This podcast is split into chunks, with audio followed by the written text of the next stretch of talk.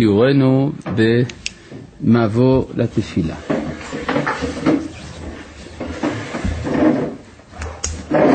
נכון? אה, אנחנו בביאור הברכה הראשונה בתפילת שמונה עשרה. הברכה הראשונה בתפילת שמונה עשרה יש לה תפקיד, היא באה לענות על שאלה. על השאלה מי. כלומר, למי מופנית התפילה? מי הוא זה שאני מדבר עמו? אז אה, ראינו אה, שהוא אלוהינו ואלוהי אבותינו, אלוהי אברהם, אלוהי יצחק ואלוהי יעקב. הן הגדול, הגיבור והנורא אל עליון. עד כאן ראינו. עכשיו, היות הבורא גדול גיבור ונורא, היותו אלוהי אברהם, אלוהי יצחק ואלוהי יעקב, הדבר הזה בא לידי ביטוי בפעולה השגחית בפועל, והיא שהוא גומל חסדים טובים, קונה הכל וזוכה חסדי אבות. אז קודם כל, מה הם אה, שלושת הדברים האלה? מה זה גומל חסדים טובים? גומל חסדים אני יודע. החסד איננו מתחשב בגבולות. זו ההגדרה של החסד. אבל מה זה חסדים טובים? אה? כן, בבקשה, תנסה. אה, אני חושב, הרבה פעמים אתה נותן למישהו חסד, אבל הוא לא מכוון, יכול לגרום לו יותר מאוחר אפילו אה, נזק. יפה, יש חסדים רעים לפי זה. יפה. כלומר, יש חסדים טובים ויש חסדים רעים. יוצא שחסד אמיתי זה יש בו קצת גבולות. למשל, בוא מישהו, ומישהו אומר, תשמע, תעשה עמי חסד. רציתי לקנות אקדח כדי להתאבד, אבל החנות לכלי נשק סגורה. אתה יכול בבקשה להשאיל לי לדקה אחת את האקדח שלך?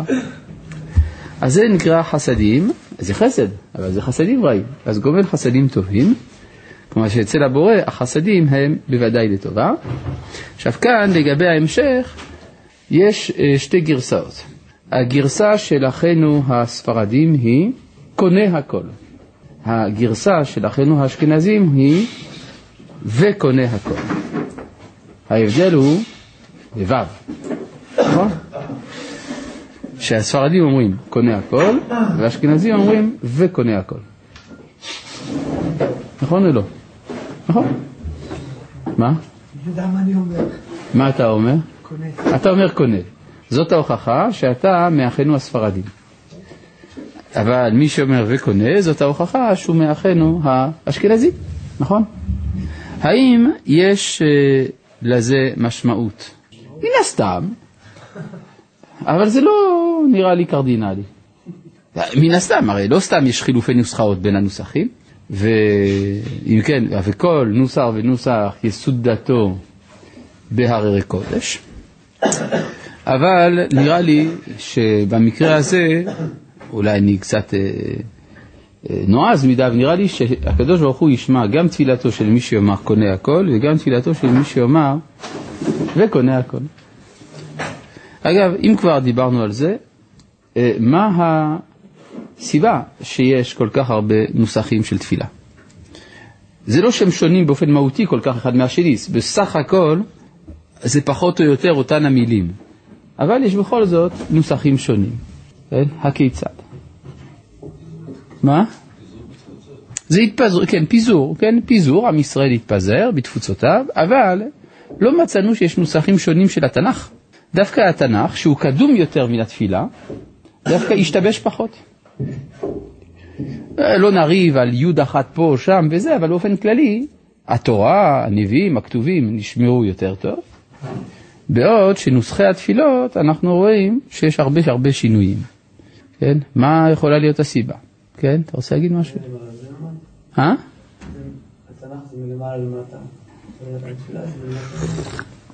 יפה. התנ"ך זה ממעלה למטה, אז מה יש לנו להתערב? התפילה יש בה מעורבות ממטה למטה, ממטה למעלה. זאת אומרת, אנחנו, בני ישראל, כל אחד ואחד יש לו זהות משלו, יש עדות שונות, יש זהויות שונות.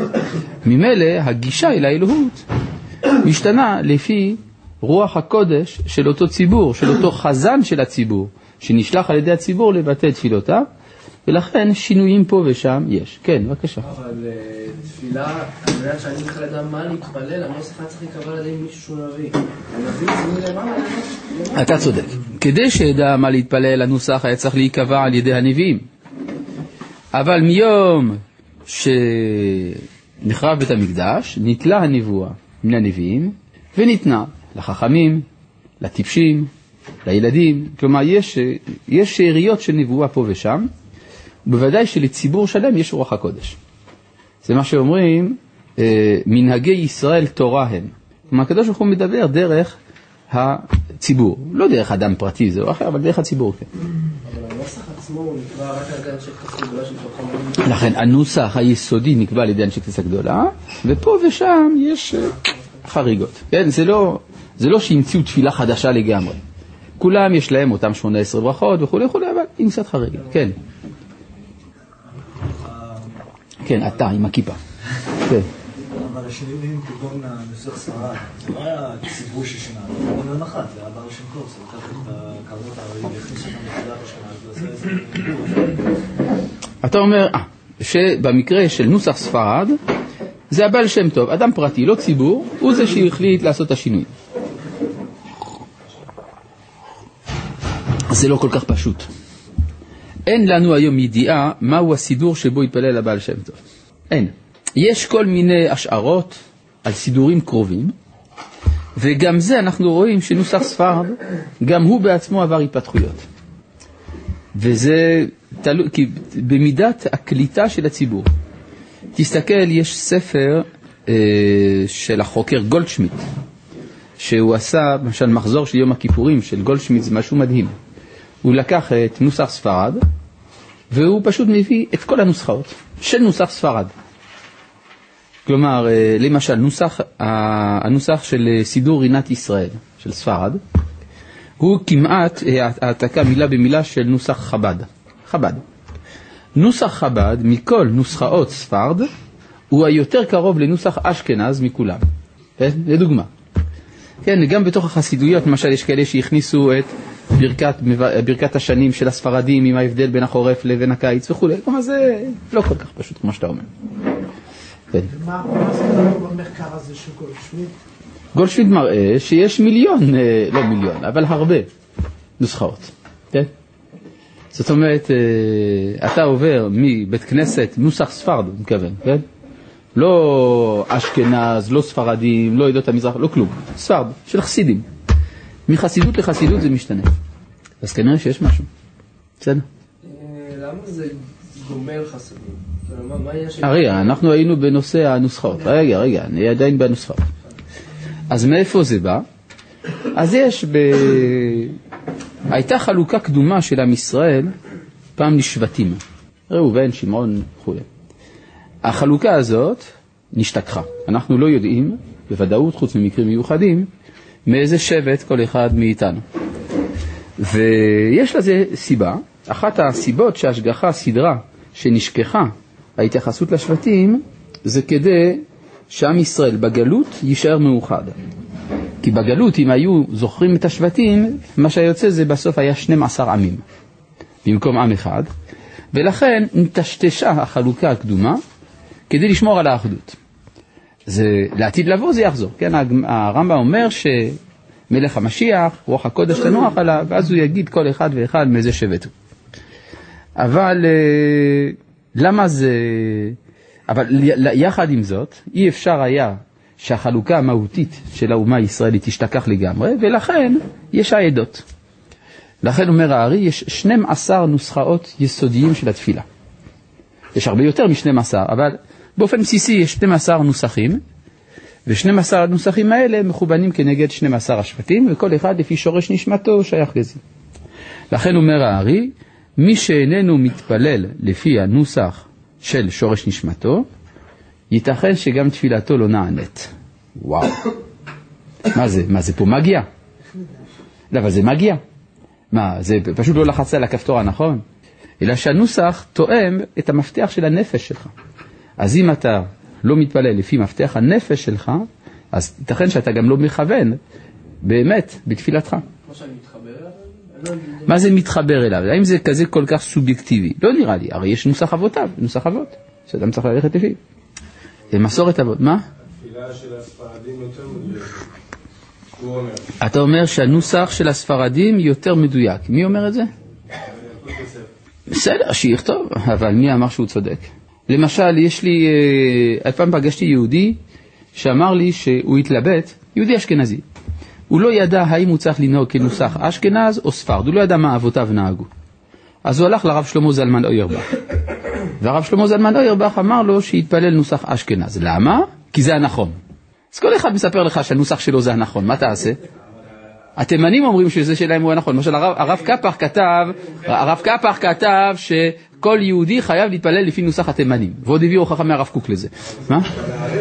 מה?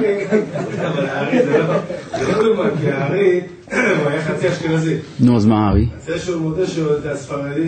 אה, אתה עכשיו אומר לי משהו חדש שלא אמרת מקודם. אתה אומר שהארי אמר את זה, שנוסח הספרדי מדויק יותר. לא, לא אמרתי הארי. אה, לא אמרתי הארי. נו, אז מה אתה אומר ש... כתב, זה שכתב הדבר, עובדיה יוסף, נו. כן, הוא אמר שהארי אמר, כן, שהתפילה יותר מדויקת, עכשיו הארי היה חצי אשכנזי.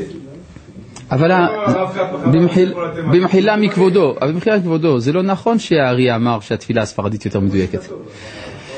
יש כאלה שכותבים שהארי אמר, אבל הארי לא אמר, מה אני אעשה? זה כתוב בשאר הכוונות, לא? מה כתוב בשאר הכוונות? שהתפילה של הספרדים עולה נגד כל השערים. אה, כן? תפתח שער הכוונות, אתה אומר ככה, אני חוזר. אתה אומר שבשער הכוונות, רק רגע. אתה אומר שבשער הכוונות כתוב שתפילת הספרדים עוברת דרך 12 השערים. תסתכל בשער הכוונות, תראה שזה לא כתוב. אומרים שזה כתוב בשער הכוונות, אבל בשער הכוונות זה לא כתוב. לא, אני אסביר לך מאיפה זה נולד. אתה רוצה שאני אגיד לך מאיפה זה נולד? ככה, הארי אמר שיש 12 שערים ברקיע, וכל שער ושער מכוון כנגד שבט, וכל אחד צריך להתפלל לפי הנוסח המתאים לשורש נשמת נשמתו לפי השבט שלו. עד כאן ברור?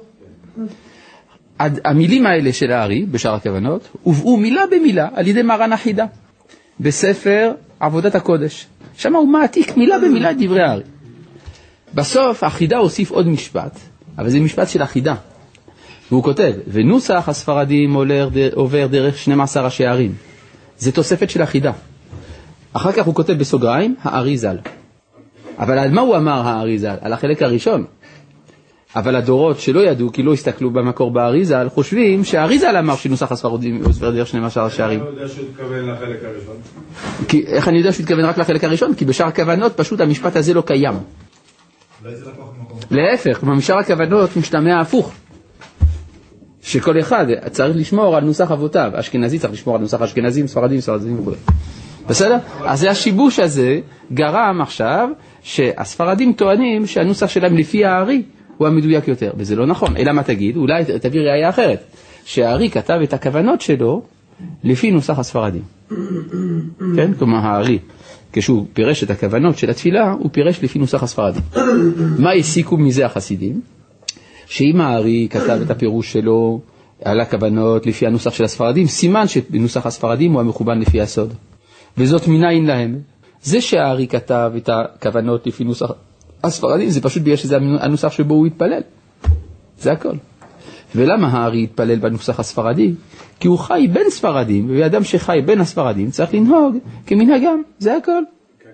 אז כל הסיפורים האלה, עם כל הכבוד, אפשר להכניס אותם למוזיאון של הקוריוזים ההלכתיים. יש עוד משהו הרב. כן. זה שהוא אומר ש... מה? לא. למה אם אני מביא לו ראיות? למה שהוא לא יקבל? אפשר להגיד שהוא איתה- הוא אמר, לא ידע את כל הדברים שהרב יודע. עובדה, מה אני אעשה? כן? בזה- בזה שאומרים שתפילתם של ה- של הספרדים עוברת דרך 12 שערים, כן. זה אומר לגבי תפילתם של הספרדים, זה לא אומר לגבי תפילת האחרים שום דבר. אה, אתה אומר ככה, נוסח הספרדים עובר דרך כל 12 השערים, וגם האחרים עוברים דרך 12 השערים. אה, נו באמת. זה- זה לא- זה לא משמע ככה. זה מתאים למה שאמרת מקודם, שכל אחד עם האמת שלו. יפה. אני לא יודע, אני לא אמרתי שכל אחד עם האמת שלו. עם הנוסח. אה, עם הנוסח שלו, אמרתי שכל אחד זה האמת שלו. כן, המושג אמת זה לא דבר שכל אחד זה האמת שלו. הרב דילג על ההסבר שלו בקשר להאל הגדול, הגיבור והנורא. האם הרב יוכל לחזור וללמד גם את זה, למען שלמות שיעורי הסדרה על התפילה? במחילה מכבודך, ניסן היקר, בשיעור הקודם אני הסברתי מה זה האל הגדול, הגיבור והנורא. הסברתי, נכון? אפס ועוד אינסוף. נכון, נכון? כן. הסברתי. אז אה, אולי אין לך את ההקלטה, אני לא יודע. טוב, נו, בבקשה. אז אה, לגבי מי שמתפלל לפי הנוסח שלו, אבל נמצא במקום, אתה שואל כבר שאלה הלכתית, מה עושה האדם שיש לו נוסח והוא נמצא בקהל שעושה נוסח אחר? בסדר, יש פרטים בזה. זה נחשב כאילו בשלו, או ש... אז אמרתי לך, זה כבר שאלה הלכתית, אתה שואל אותי עכשיו על הלכות תפילה, ואנחנו לומדים מבוא לתפילה, אנחנו לא לומדים עכשיו הלכות. לא, לא איך אדם לא בן אדם צריך ללמוד. אלא? אם התפילה שלו באמת אה, מתכוונת כמו ש... האדם של, אדם אה, מתפלל לפי ההלכה, אז תפילתו מתקבלת. אם ההלכה שהוא צריך להתפלל לפי נוסח מסוים במקום אחר, אז בסדר, זה גם מתקבל. חג שמח הרב. למה אנו אומרים בתפילה אלוהי אברהם, אלוהי יצחק ואלוהי יעקב, ולא השם של אברהם? הרי אמרת בשיעור תפארת ישראל שהשם אלוהים הוא שם השם, לפני שהאדם קרא לשם. תודה. קצת קשה לי להבין את השאלה.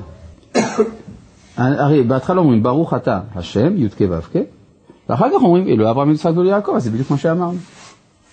כן, הלאה. אז אם כן, אנחנו חוזרים לביטוי קונה הכל. מה זה קונה? מה? כן. גומל? אם אה. גומל חסדים טובים. אתה אומר אם כן שעשינו משהו. כי אתה מבין שהמילה גמילה פירושה לגמול על משהו שעשית. זה בעברית מודרנית, לא בעברית מקראית. נותן. גומל זה נותן. כן? בין שמגיע בין שלא מגיע, זה נקרא גומל. כן? מה אשיב לשם כל תגמולו היא עליי. יש גם בכלל, ב... לומדים לבגרות דבר שהוא לא נכון, שגמול זה לטובה ותגמול זה לרעה, נכון? ככה לומדים, יש פעם את החוברת ודייק, אני לא יודע אם עדיין משתמשים בזה. מה? ספר הירוק. כן, ספר היה, אתה, טוב, אתה עוד למדת בספר הזה. היום, מישהו פה למד ב- ודייק לבגרות? לא, פעם היה ספר כזה ירוק, ודייק. אז למדו כל מיני דברים לא נכונים. למשל שגמול זה לטובה, תגמול זה לרעה. כן?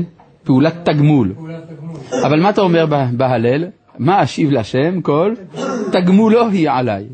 ובת בבל השדודה, אשרי שישלם לך את גמולך שגמלת לנו. אם כן אנחנו גמול לר- לרעה ותגמול לטובה. שיש כמה הבחנות שם שעשו קצת מלאכותיות. בפני, לפני, מפני וכדומה. כן. גם גומל פה זה לא מותנה. אין נוסח לאבי, כי אבי אינו מתפלל. את אבותיו מעולם לא הכרתי. ידוע לי ששייכות אבותיי אל אשכנז. אני מצליח להתכוון ולהתרגש מנוסח עדות המזרח. מה נכון שאדם כמוני יעשה?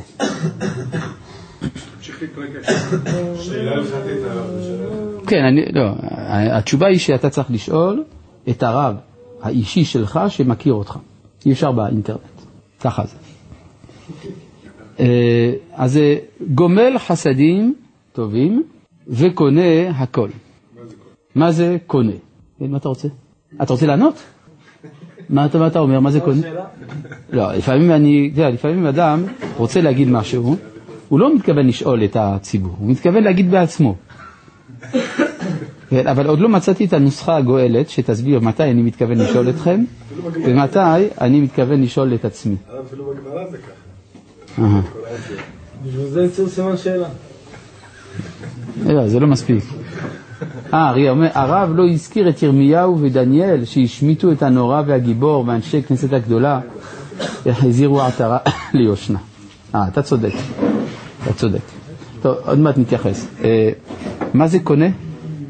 קונה זה בלשון נובע. זאת אומרת שבכל יום הוא קונה מחדש. מה זה לקנות? אה, מה זה... קונה? מה, הוא קונה ממישהו? יש מישהו שמוכר לו? זה מלשון להקנות אולי. מקנה הכל, אם ככה זה תגיד, אבל מה זה קונה? קונה הכוונה שזה שלו, כן? הוא המקור של הכל, זה מה שהוא קונה. למשל, אם אני למשל מייצר כלי, אני יצרן כלים, האם אני צריך לעשות פעולת קניין כדי שהכלי יהיה שלי? לא, למה? כי זה שלי מכוח זה שיצרתי אותו. אז קונה הכל זה מידת הדין, כן? כלומר שהכל מן הדין שלו.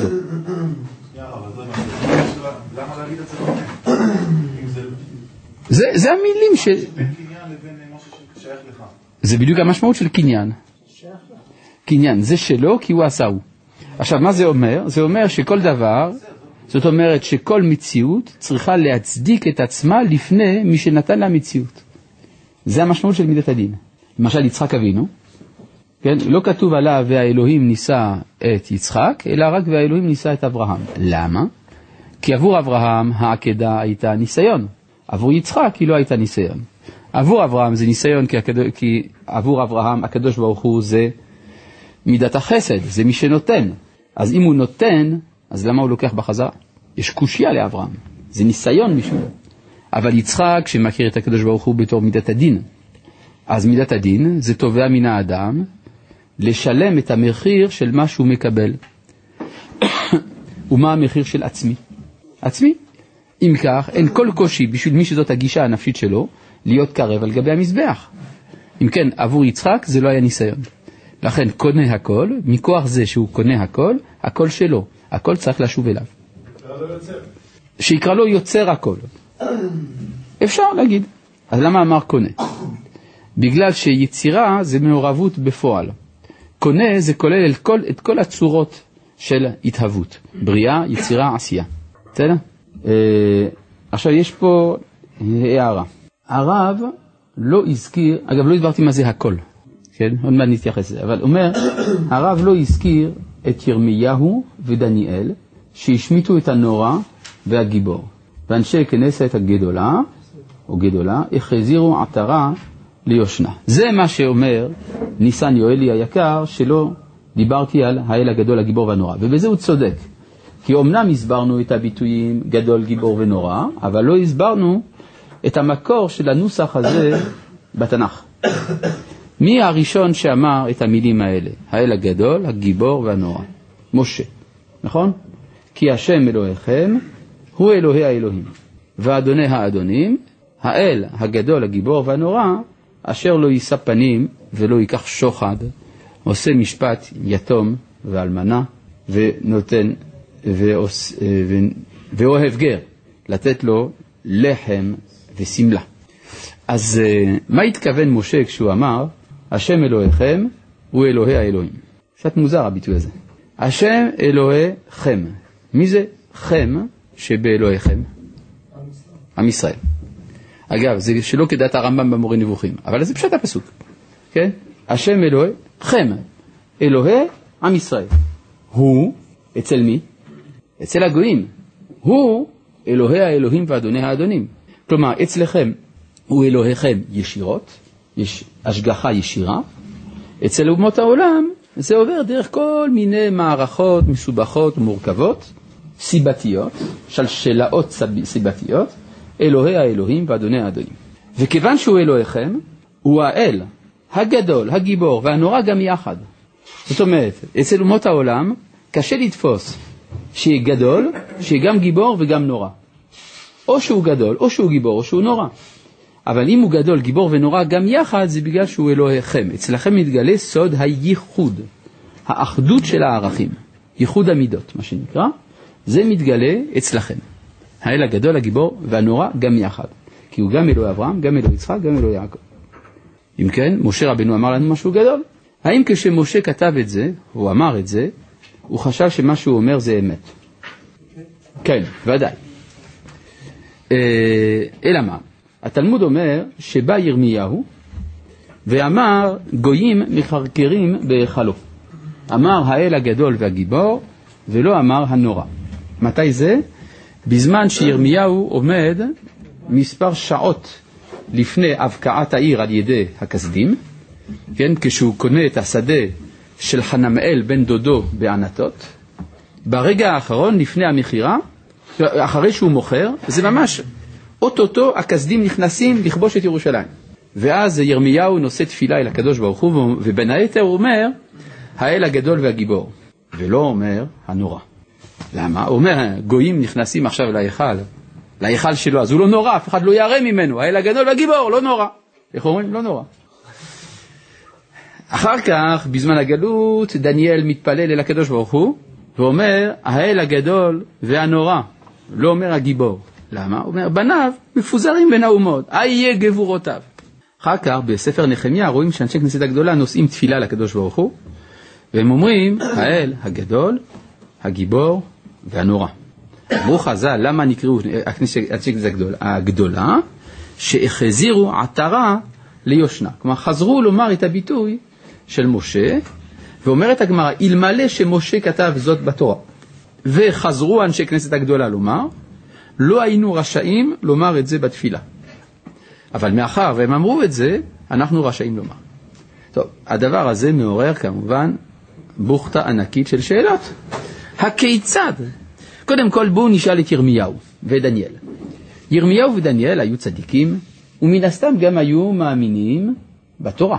אם היינו שואלים את ירמיהו, אה, ירמיהו, אתה מאמין בתורת משה? כן. נכון שבתורת משה כתוב גדול גיבור ונורא? כן. אתה מאמין בזה? כן. אז למה אתה לא אומר?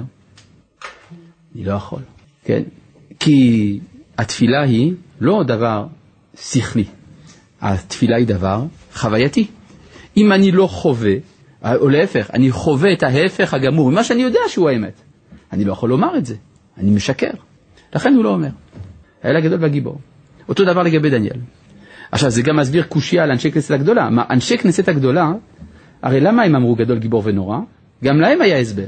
אמרו, כבשה אחת הייתה בין שבעים זאבים ולא נאכלה, גדול הרועה השומר אותה. ולכן חזרו לומר, האל הגדול, הגיבור והנורא. לכאורה גם עליהם היה אפשר להקשות. מה, אתם צריכים הוכחה לזה שמשה צודק? אלא כנראה, גם פה מדובר על משהו חווייתי. כן. אה, יפה, קושייה נפלאה. אז אם ככה, מדוע שלא נקרא להם אנשי כנסת הגיבורה והנוראה? למה אתה קורא להם כנסת הגדולה? פשוט מאוד. שמעתי פעם הסבר מהרב, נדמה לי הרב כרמל, מ... מ... איך קוראים לזה? מכולל ארץ חמדה לדיינים. הוא בא מסביר שהיה צריך להיות, לפי ההיגיון של ירמיהו ודניאל, היה צריך להיות דווקא שאנשי כנסת הגדולה ישמיטו את הגדול, יגידו רק גיבור ונורא. למה? כי הם אמרו, הגאולה הזאת בתקופת עזרא ונחמיה היא פיצית, כן, זה, זה בדלות רבה, רק כמה אלפים באו לירושלים, ואיזה מקדש תחת שלטון פרס, בקיצור עם צרות מסביב. היה צריך להגיד, האלה הגיבור והנורא, אבל לא הגדול. אבל כבר היה להם ניסיון. ראו שירמיהו ודניאל לא צדקו בזה שהם השמיטו גיבור ונורא, אז אמרו מן הסתם גם הקטנות הזאת זה גדלות. ולכן אמרו הגדול הגיבור והנורא, ולכן נקראו אנשי כנסת הגדולה. מה? לימינו. אה, כן, כן, ודאי יש מה ללמוד גם לימינו. אלה שחושבים שהגאולה שלנו היא קטנה, אה, צריכים להבין על מה מדובר. כן, האל הגדול, הגיבור והנורא. אני הכרתי יהודי צדיק, שכאשר הוא היה במחנה ההשמדה אושוויץ, היה מתפלל מנחה. לא רק הוא, אלא היה שם מניין, היו מתפללים במניין. היו הולכים לחטוב עצים ביער, אחר כך אה, במשך כמה שעות היו חוטבים עצים, והגרמנים היו מתרחקים. אז היו מנצלים את, ה, את הזמן כדי להתפלל תפילת מנחה, והם היו אומרים כמובן, אשרי יושבי ביתך וכולי וכולי, ומדלגים על הפסוק, טוב השם לכל ורחמיו על כל מעשיו. זה שהם היו מדלגים זה בגלל שהם ידעו להתפלל. מי שלא יודע להתפלל, מה אכפת לו? הוא אומר, לא אומר, הכל בסדר. אבל הם התפללו באמת, לכן הם לא אמרו. מאיפה הם למדו את זה? מירמיהו ודניאל. מה? אחר כך, כשהוא יצא מה, מהשואה וזה, הוא, הוא כן אמר טוב השם לכם. כן, כן. אנחנו מסתמכים, אמרנו שאנחנו מתפללים מכוח הנביאים. כן. נכון? אז איך אנחנו יכולים פתאום לשנות את אה, נוסח התפילה? אנחנו לא נביאים. אנחנו לא משנים את נוסח התפילה. למה? משמיט אה, פסוק. אה, הוא השמיט, הוא לא יכול להגיד, מה אתה רוצה? סימן שהוא התפלל טוב. זה לא רגש... אה, לא, לא, זה בסדר, זה בסדר. רגע, רגע. יש פה כמה דברים. היה לפני כן משהו אחר ככה בשאלה, ועכשיו פתאום נעלמתם אותו. טוב, בסדר, כשתחזירו, תחזירו. מה? לא, זה לא, זה בסדר, זה בסדר. זה, טוב. רגע, הרב, מה? אה? אה? אם אני מרגיש שנעשה לי עוול נוראי, אני גם יכול לדלג על הפסוק הזה? אם נעשה לך עוול נוראי, לא, אם נעשה לך עוול נורא, יש מקום לשאלה. כלומר, מה, אתה יודע, אתה יכול, ל, ל, אתה יכול להשוות עוול נורא ככל שיהיה לשואה? אין מה לדבר בכלל, זה לא פרופורציונלי, לא מתחיל אפילו. לא מתחיל. הכל יחסי ברגש. אה, נכון, ובכל זאת יש יחסיות. אה, אל תנסו להשוות. גומל חסדים טובים, אז כן, אנחנו נחזור אם כן, אחרי התייחסנו לגדול, גיבור ונורא ולאנשי כנסת הגדולה, אגב, יש, אה, אולי נזכיר עוד משהו, יש בגמרא, במסכת ברכות וגם במסכת מגילה. מסופר על אדם אחד שהחזן אצל רבי אליעזר בן הורקנוס. אז לפי ישעיהו, אם לא בא לי להתפלל, חווייתית כמובן, עדיף שלא יתפלל? ישעיהו. לא דיברנו על ישעיהו בכלל. אני לא יודע על מה אתה מדבר. לא דיברנו על ישעיהו. אני לא מבין את השאלה. טוב, איפה היינו? אה, כן, מסכת ברכות ומגילה. כתוב על אה, החזן אצל אה, רבי אליעזר הגדול, הוא רבי אליעזר בן אורקנוס, אז הוא אמר, האל, איך, איך הביטוי שם? יש לו... אולי נראה את זה שם בגמרא. טוב, לא נורא, לא נורא. הוא אמר שם כל מיני ביטויים, האל הגדול, הגיבור והנורא והעיזוז והירוי והעצום וה, והחזק וכולי וכולי.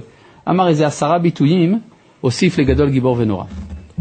אז, אה, יש פה השאלה. התפילה של האשכנז פחות מדויקת, היות ובאשכנז היו בתי דפוס.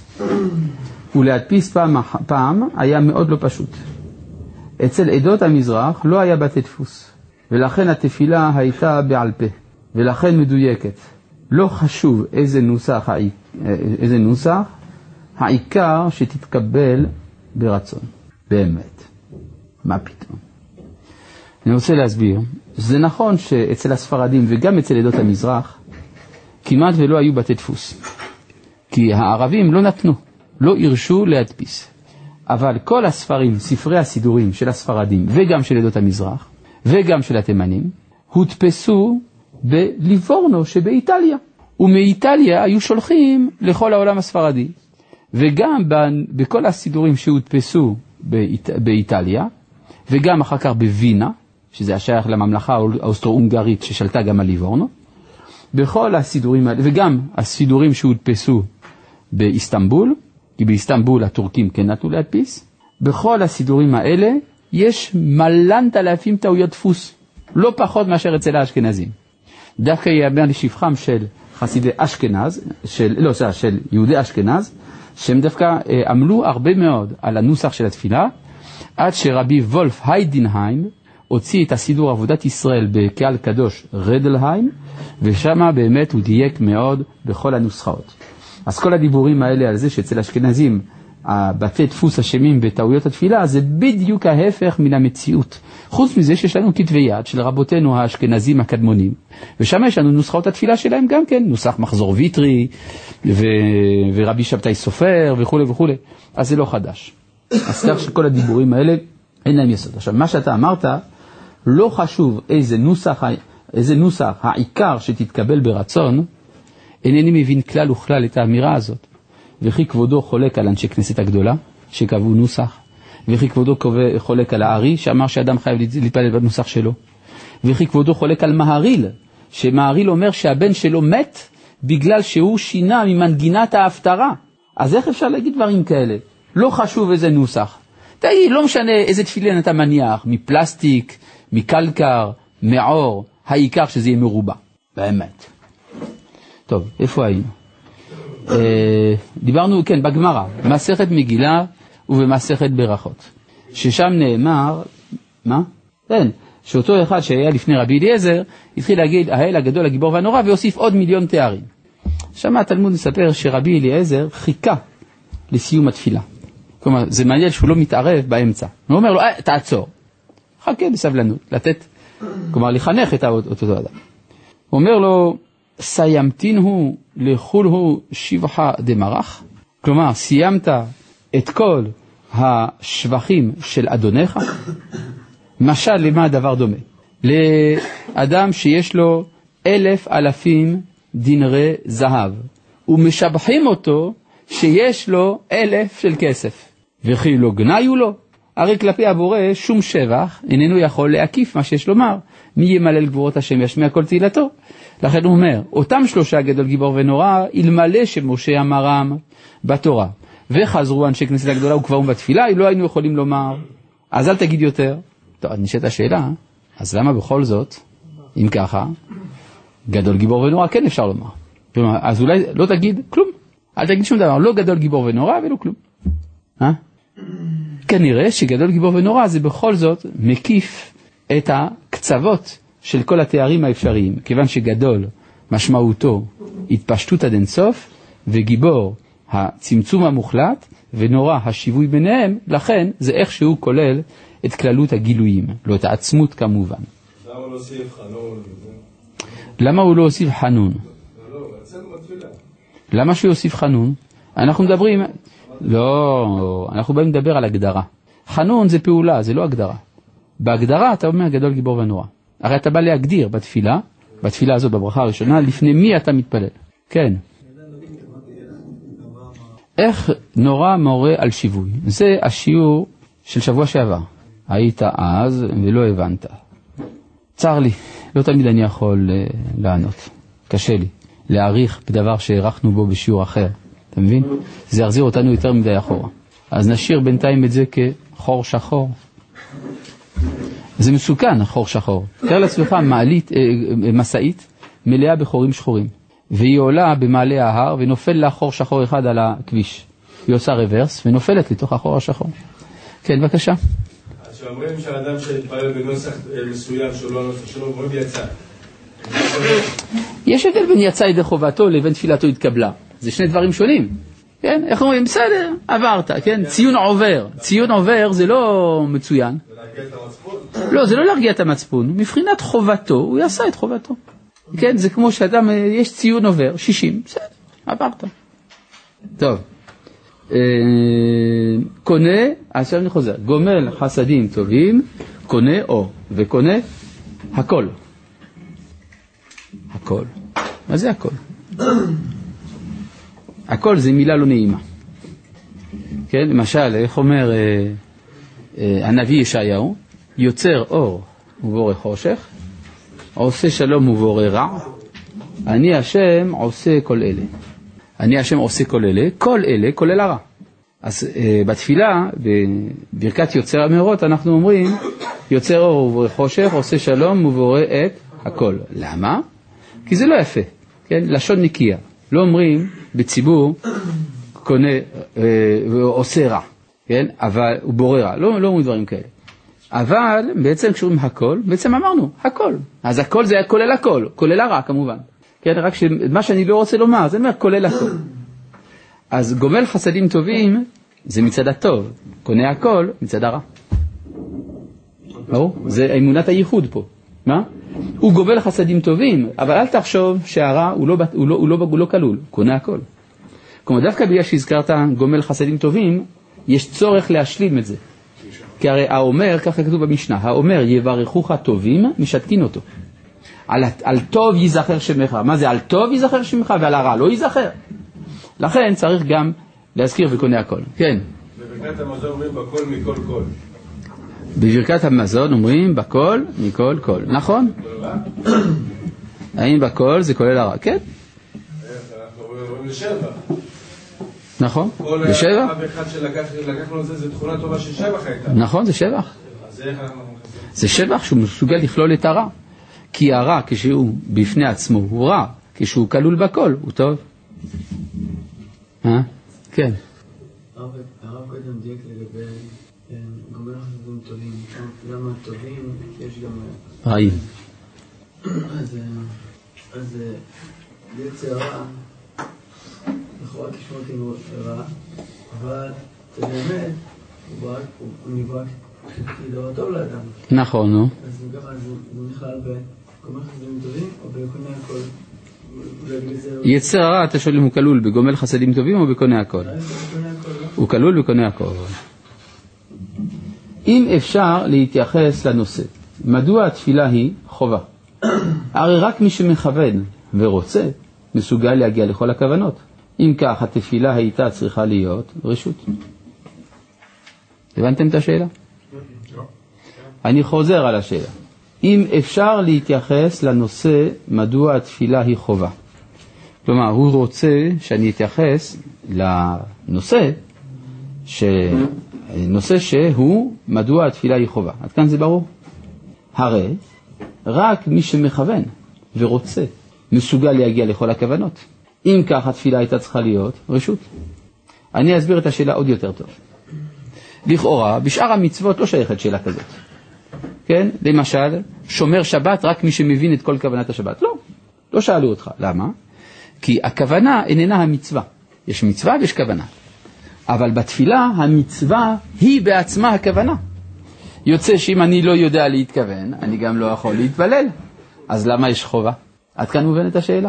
גם מי שלא לא כיוון לא יכול לחתור. לא, הבנת את השאלה? כן. בסדר. התשובה היא שיש חובה להתכוון. לא, כלומר, הוא צודק. כלומר, החובה היא להגיע למצב שבו אני מתכוון. אז צריך ללמוד גם את הכוונות? לכן צריך ללמוד את הכוונות, זה מה שאנחנו עושים עכשיו. לא, אנחנו לומדים עכשיו את הפשט שלהם. אה, עם כוונות הארי? לא, לא צריך. כלומר, ודאי שזה חשוב ללמוד כל התורה כולה, כולל כוונות הארי. אבל אני אומר, מבחינת, ה... מבחינת ה... האפשרות להתפלל, מינימלית, זה להבין מה שאנחנו אומרים. ובוודאי, מי שלא מתכוון בכלל, הרי לא יתפלל. זה הלכה מפורשת, לא? מי שלא התכוון בתפילתו, צריך לחזור ולהתפלל. שהרי הוא לא יתפלל, מובן? אז יש אחר כך הגדרות.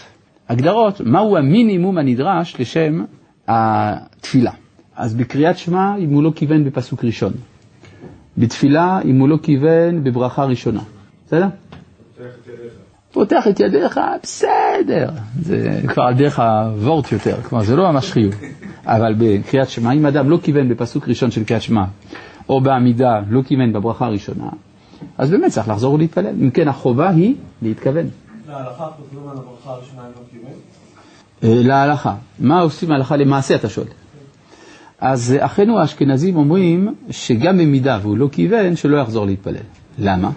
לא בגלל שהוא יצא ידי חובת תפילה, אלא בגלל שגם בפעם השנייה הוא לא יכוון. אז חבל על הזמן. עכשיו, אחינו הספרדים, הם נוהגים כדעת מרן, שקיבלנו הוראותיו וכל אשר יאמר כי הוא זה, שאם לא כיוון בברכה הראשונה, אז כמו דינה דגמרא, חוזר ומתפלל. כך נוהגים אחינו הספרדים בכל מקומות מושבותיהם, כי הרי הם קיבלו הוראות מרן, לא? טוב, אה, כן. אה, גומל חסדים טובים, קונה הכל. וזוכר חסדי אבות. ומביא גואל לבני בניהם, למען שמו באהבה. טוב, יש פה ביטוי משונה קצת. וזוכר חסדי אבות. מה זה חסדי אבות? היה אפשר, לי- אני מכיר שני ביטויים אחרים. יש זכות אבות ויש ברית אבות. מה זה זכות אבות? אבותינו היה להם זכויות. כן, אגב, זה, המשמעות של המילה זכות בעברית מקראית, בעברית עתיקה בכלל, היא הפוכה מהמילה זכות בעברית מודרנית. היום כשאומרים זכויות, מה הכוונה? מגיע, מגיע לי גם ב... לא, בלי שאני אעשה שום דבר.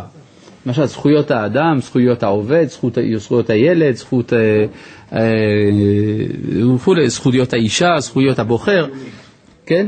מאיפה בא- באות הזכויות האלה? ככה זה, מגיע לי. אני, כן, בעצם קיומי, מה זה? מה, אני אדם? לא, מגיע לי. עכשיו, הגישה הזאת של זכויות האדם, היא מחנכת את האדם להסתכל על העולם כמרחב לתביעות. כלומר, אני בא לעולם כדי לקבל. כלומר, אין התניה של הזכויות בחובות. אבל כשעשו את מגילת זכויות האדם הראשונה, ב... ב... איך קוראים לזה? האספה הלאומית בצרפת, במהפכה, אז רצו, היו כאלה, וזה כמעט עבר, אבל בסוף זה נדחה, אבל כמעט זה עבר בהצבעה, שיעשו מגילה מקבילה, מגילת חובות האדם. זה מאזן את זה. אבל התוצאה היא כעת אחרת, וזה מבחינה, אה, מבחינה חינוכית מוסרית, זו קטסטרופה. כן? על כל פנים, בעברית מקראית, כשאמרו, או אצל חז"ל, כשאמרו יש לאדם זכויות, הכוונה שהוא עשה הרבה דברים, אז יש לו זכויות. כן? יש, לו, יש לו מטען שבכוחו מגיע לו. כן? אז אה, מה זה זכות אבות? אבותינו היה להם הרבה זכויות. הם עשו הרבה דברים. מכוח זה הקדוש ברוך הוא מתייחס אליהם באהבה וגם מצ'פר את זרעם. בסדר? זה נקרא זכות אבות. הגמרא אומרת במסכת שבת, זכות אבות, תמה. אין יותר זכות אבות. משכנו את כל החשבון, עכשיו זה במינוס. אין, נגמר. יש רק דיון בגמרא מתי זה נגמר. ויש איזה חמש דעות בגמרא בערך, מתי נגמרה זכות אבות. אבל לכל הדעות היא נגמרה, תמה. אומרים התוספות שם בשם רבנו תם, נכון, זכות אבות תמה, ברית אבות לא תמה. מדוע? כי זכות האבות זה מה שמכוחו של האדם, אז האדם אפילו ענק שבענקים, יש גבול לכוחו. אז נגיד הזכויות של אברהם אבינו יכולות להימשך אלף שנה, אבל אחרי אלף שנה נגמר, כי כמה כוחו של אברהם? הוא רק נברא. מה שאין כן הברית זה ממעלה למטה, מה הקדוש ברוך הוא, הוא זה והוא אין סוף, הוא זה שקובע את הברית. לברית אין גבול. כמו שפעם העיר לי הרב יאיר אוריאל, זכר צדיק לברכה, שלימד פה במכון מיר, הכרתם אותו? היה יהודי גדול, צדיק שישב פה יומם ולילה. הרב יאיר אוריאל נפטר לפני שנתיים כבר, נכון? שנתיים? שלוש? אה? עוד מעט תהיה שנתיים, כן, הרב יאיר אוריאל. אז הוא אמר פעם שהוא בדק בכל התנ"ך ובכל מקום שכתוב ברית, כשזה ברית של הקדוש ברוך הוא, זה רק בכיוון אחד ולא בכיוון השני. כלומר, אם יש ברית בין שני אנשים, זה משהו אחר. אתה מפר, גם אני, גם אני משוחרר. כן? כלומר, הברית מתקיימת מכוח המחויבות של שנינו. אבל כשזה בין הקדוש ברוך הוא לבין האדם, זה רק הקדוש ברוך הוא שכורת ברית עם האדם, לא מצאנו אדם שכורת ברית עם הקדוש ברוך הוא. אין דבר כזה. כן, אז עכשיו, אה, לכן, הברית אבות לא תמה. כן. אם יש ברית, בשביל מה צריך זכות? אה, אם יש ברית, למה צריך זכות? עדיף שיהיה זכות, זה יותר רך. כלומר, יש הבדל בין מי ש... נגיד ילד צריך לעבור את הכביש. למה? הוא צריך להגיע, אה, רוצים לקנות לו סוכריה על מקל. אבל מה, יש ילד שיודע שיש סוכריה על מקל ומאוד אוהב סוכריות על מקל, אז הוא עובר את הכביש בחדווה. יש אחד אחר שכל הזמן רוקע ברגליים ואומר לא רוצה, לא רוצה, לא רוצה. בסוף הוא יעבור את הכביש, אבל לא נעים, נכון? זה ההבדל בין זכות לבין ברית. עד כאן אני מבין. אני עוד לא הבנתי מה זה חסדי אבות. ומה אתה רוצה? ברית זה הכוונה סגולה? אז הברית, כן, הברית זה הכוח של הסגולה לפי זה. יפה. במסכת שבת. איפה? לא זוכר. אולי זה מובא פה ביערות, בגורות ראייה חלק ב'.